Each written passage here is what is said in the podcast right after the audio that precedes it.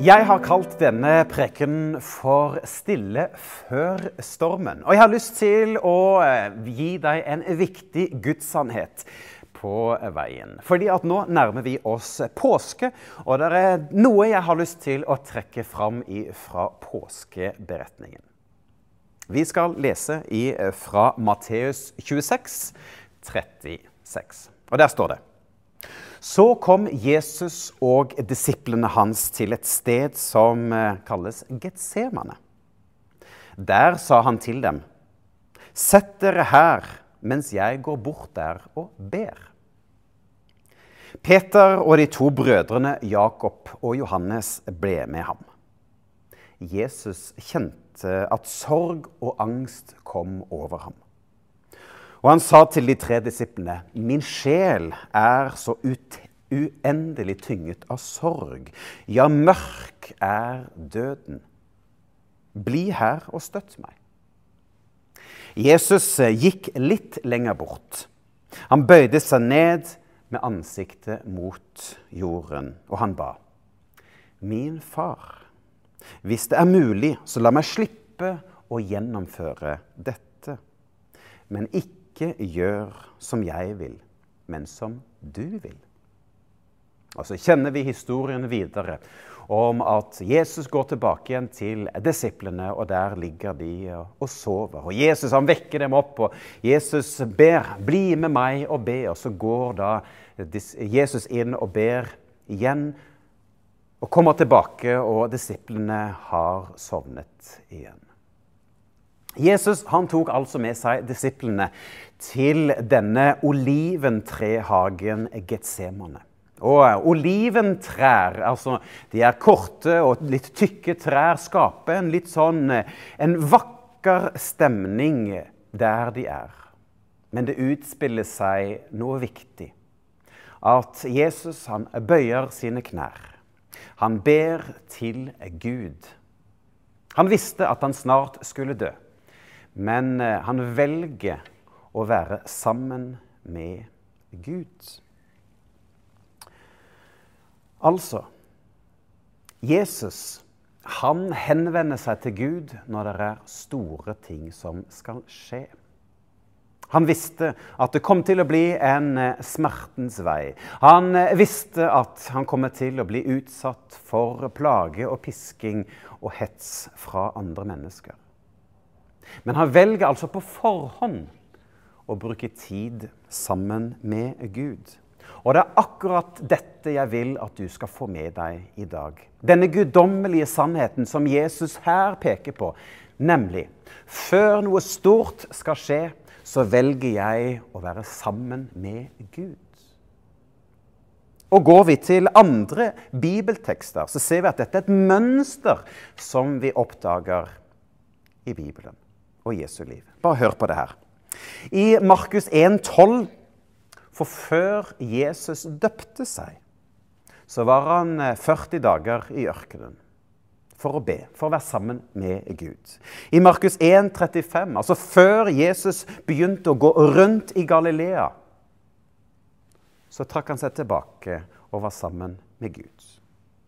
I Lukas Lukas 6,12, altså før Jesus kalte de tolv disiplene, så var han alene sammen med Gud. I Markus kapittel 6 vers 7 Før Jesus mette 5000, så var Jesus alene og ba til Gud.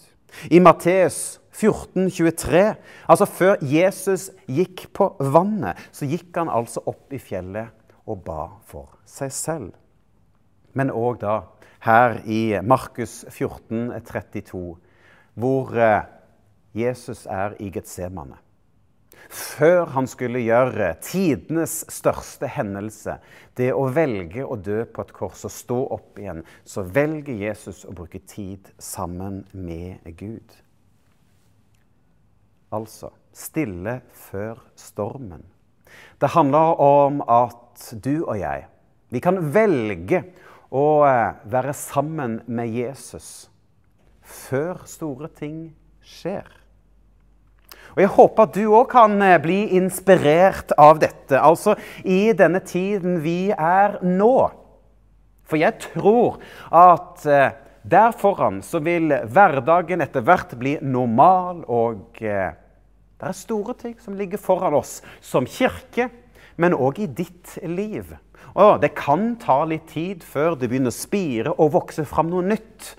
Men jeg tror at den tiden vi er i nå, så er det viktig at du bruker tid sammen med Gud.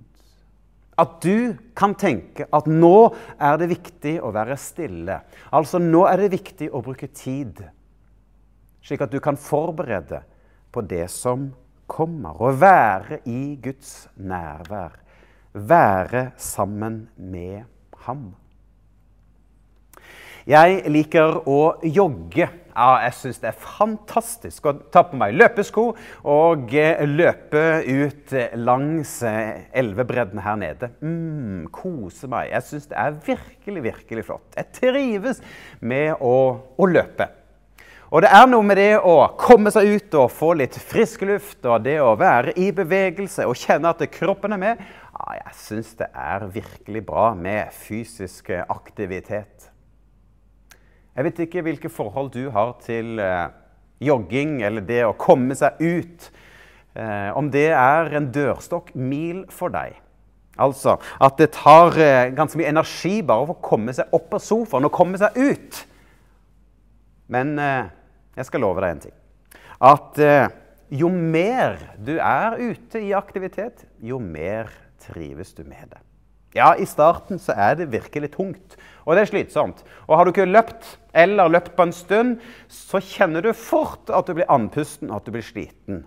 Men når dette blir en vane, så blir dette noe flott og noe godt og noe du har lyst til å gjøre. Du får energi av å tenke på at du skal ut, eller du får i hvert fall energi av å være ute. Så kom deg ut. Ja, beveg deg. Altså, Hvis du eh, er lenge siden du har vært i bevegelse, så kom deg ut. Gå deg en tur. Start i det små. Gjør noe istedenfor å tenke at du skal ut og løpe én mil. For det krever litt trening før du kommer dit. Fysisk aktivitet er sunt og godt for oss mennesker. Og her er det en parallell som jeg håper at du ser i forhold til dette, det åndelige livet med Gud. Det er litt på samme måte som dette med fysisk aktivitet. Det det å jogge, f.eks. For Fordi at eh, I starten så kan det hende at det er litt slitsomt å sette seg ned og, og, og lese Bibelen. eller Du vet ikke helt hva du skal gjøre. Men når du kommer inn i dette, at det blir en vane, så blir dette en verdifull tid der du kan få energi for eh, både hjerte og hode. Og jeg har lyst til å dra opp noen eh, ting som du kan eh, gjøre. Eh, ikke da fysisk, som å jobbe, jogge eller gå tur, eh, eller eh, gå på ski, men i forhold til det med åndelig aktivitet. Så jeg har lyst til å nevne at bønn Altså Samtale med bønn er noe veldig, veldig viktig. Det at du kan fritt bruke dine ord for å be og takke Gud for den han er, men òg komme framfor Gud med de utfordringer og eh, bønnebegjær som han har. Men eh, hvis du ikke føler deg så komfortabel med det, så kan du òg eh, bruke ferdigskrevne bønner. Og det finnes det mange av, f.eks. Eh, på, på internett. Du kan òg være med og be bibelvers. Jeg vet ikke om du har prøvd det, men eh, f.eks. ta Salme 23. altså 'Herren er min hyrde'. Eh, og da kan du bruke det som en bønn, og så leser du altså Bibelen, men så lager du det da, når du leser det, til en bønn. F.eks. at eh, Takk, Herre, for at du er min hørde. Takk for at du leder meg til vann der jeg finner hvile. Og så bruker du da salmene som en bønn. En veldig god måte å be på. Bibellesning er det neste. Det at man eh, kan få et eh, bibelvers på eh, sin telefon, og få noen bibelvers som du kan ta og bli minnet om, eller om at du har en bibelapp eller om at du har Bibelen og, og leser litt. Du har eh, det som jeg legger ut på Facebook med 'Vi leser Bibelen sammen', er òg en fin måte med å komme i gang på med dette med bibellesning. Du kan høre Bibelen på lydbok, eller du kan eh, bare ta et enkelt bibelvers, og så kan du gå og grunne litt på det og tenke ja, men hva betyr dette for meg her i dag? Man kan ha en bibelleseplan som gjør at man kan lese hele Bibelen gjennom på, på et år eller på et halvt år. Eller man kan lese Markusevangeliet på flere dager, f.eks. Men finn deg en rytme som eh, passer deg. Det neste jeg vil si, det er eh, gudstjeneste og kirke. Det òg er en viktig del av det kristne liv. Fordi at den kristne tro leves ikke alene men det leves i fellesskap. Fellesskap med andre kristne, men òg leves ut i den vanlige hverdagen. Og jeg tenker at eh, Gudstjeneste og kirke, la det òg bli en rytme. Eh, noe som skjer regelmessig i ditt liv. Selv om vi ikke kan samles nå, så kan du allikevel høre på podkast eller se da online sånn som dette her. For det neste jeg vil si, er nemlig å fylle seg med forkynnelse.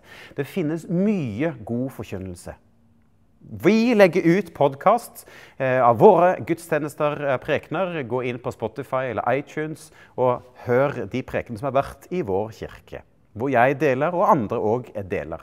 Du kan lese oppbyggelige bøker, eller du kan gå på YouTube og høre andre kirker. Både i Norge, men da òg internasjonale.